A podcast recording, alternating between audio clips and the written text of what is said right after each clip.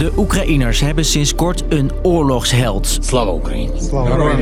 Hun president, Volodymyr Zelensky. In deze crisis is hij standvastig. Is hij echt een leider van Oekraïne. Eh, communiceert hij goed. Ik ben Jasper en ik leg je uit hoe Zelensky probeert Oekraïne door de oorlog te loodsen. En waarom zijn mediastrategie zo goed valt bij zijn eigen bevolking en bij het Westen. Lang verhaal kort. Een podcast van NOS op 3 en 3FM. Voordat Zelensky werd gekozen als president van Oekraïne, was hij ook al president. Maar dan in een populaire tv-show. Доброе утро, господин президент. Zelensky was acteur en komiek en na optredens in comedyseries, films, zelfs de Oekraïense versie van Dancing with the Stars, maakt Zelensky een programma dat met humor, corruptie en slecht overheidsbeleid aan de kaak stelt. Dienaar van het volk heet dat programma. En daarin speelt hij een geschiedenisleraar die door een viral filmpje president wordt. President Oekraïne. Die programmanaam, Dienaar van het Volk, is ook de naam van de partij waarmee Zelensky in 2019 meedoet aan de Oekraïense presidentsverkiezingen. En die wint hij met overmacht.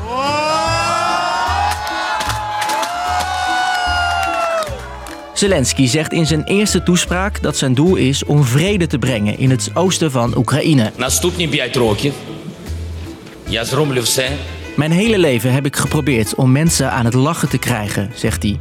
En nu zal ik er alles aan doen om ervoor te zorgen dat Oekraïners niet hoeven te huilen. українці, щоб ви не плакали. Дякую.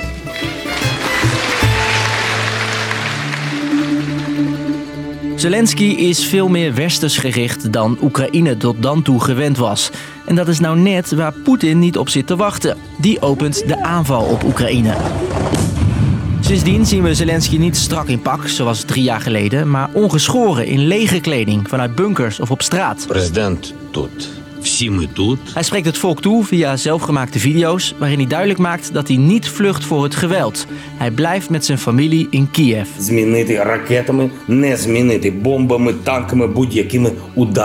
Strijdbaar dus. En dat werkt motiverend en hoopgevend, zegt deze Oekraïne-kenner. Kijk ook naar die toespraak. Een, een toespraak waarin die, hè, de Oekraïners zegt van hè, wij gaan dit land verdedigen. Maar tegelijkertijd ook in een andere toespraak in het Russisch aan de Russische bevolking eh, eigenlijk zegt jullie zijn niet de vijand. Maar jullie regering is de vijand. En jullie kunnen hier iets aan doen. Poetin doet er alles aan om te voorkomen dat die boodschap het Russische volk bereikt. Maar in Oekraïne hebben de toespraken groot effect. Deze vrouw nam een video op over Zelensky vanuit een schuilkelder. I mean, obviously it's scary, but it definitely gives us a lot of hope for sure. And it makes us proud, and it's like it makes me proud that I'm here too, you know, and I'm not just like running from my home. Oekraïners, Russen, maar ook het Westen spreekt hij toe. En die toespraken maken indruk. Een speech aan het Europees Parlement zorgde voor een staande ovatie. En ook premier Rutte geeft hem credits. Hij sprak Zelensky terwijl hij in de bunker zat en zijn stad onder vuur lag. Om hem te zien zitten in een groen leger-t-shirt. eh, in die bunkerachtige setting. eh, leidinggevend aan dit land. eh, onder ongelooflijk moeilijke omstandigheden. Ook niet weten hoe de komende uren en dagen zullen verlopen. En toen de Amerikanen hem aanboden om hem veilig weg te krijgen uit Oekraïne, sloeg hij dat af, zegt Ruslandkenner Hubert Smeets. Het antwoord van, eh, van Zelensky was ja, iets om je hoed voor af te nemen. Die zei: Ik heb, eh, ik heb wapens nodig. Geen lift naar, eh, naar een ballingsoord. Oekraïne is geen lid van de NAVO, het samenwerkingsverband van westerse landen. En daarom sturen die hun troepen voorlopig niet om tegen de Russen te vechten. Lid worden van de NAVO kan ook niet, want er mogen geen landen bij waar oorlog is. Wel zette de voorzitter van de Europese Commissie, Ursula von der Leyen, de deur open voor toetreding tot de EU. They belong to us, they are one of us, and we want them in. Uiteindelijk gaan de EU-landen daarover. En door alle regels is zo'n toetreding niet zomaar gefixt. Maar het laat wel zien dat de Oekraïense president er goed op staat.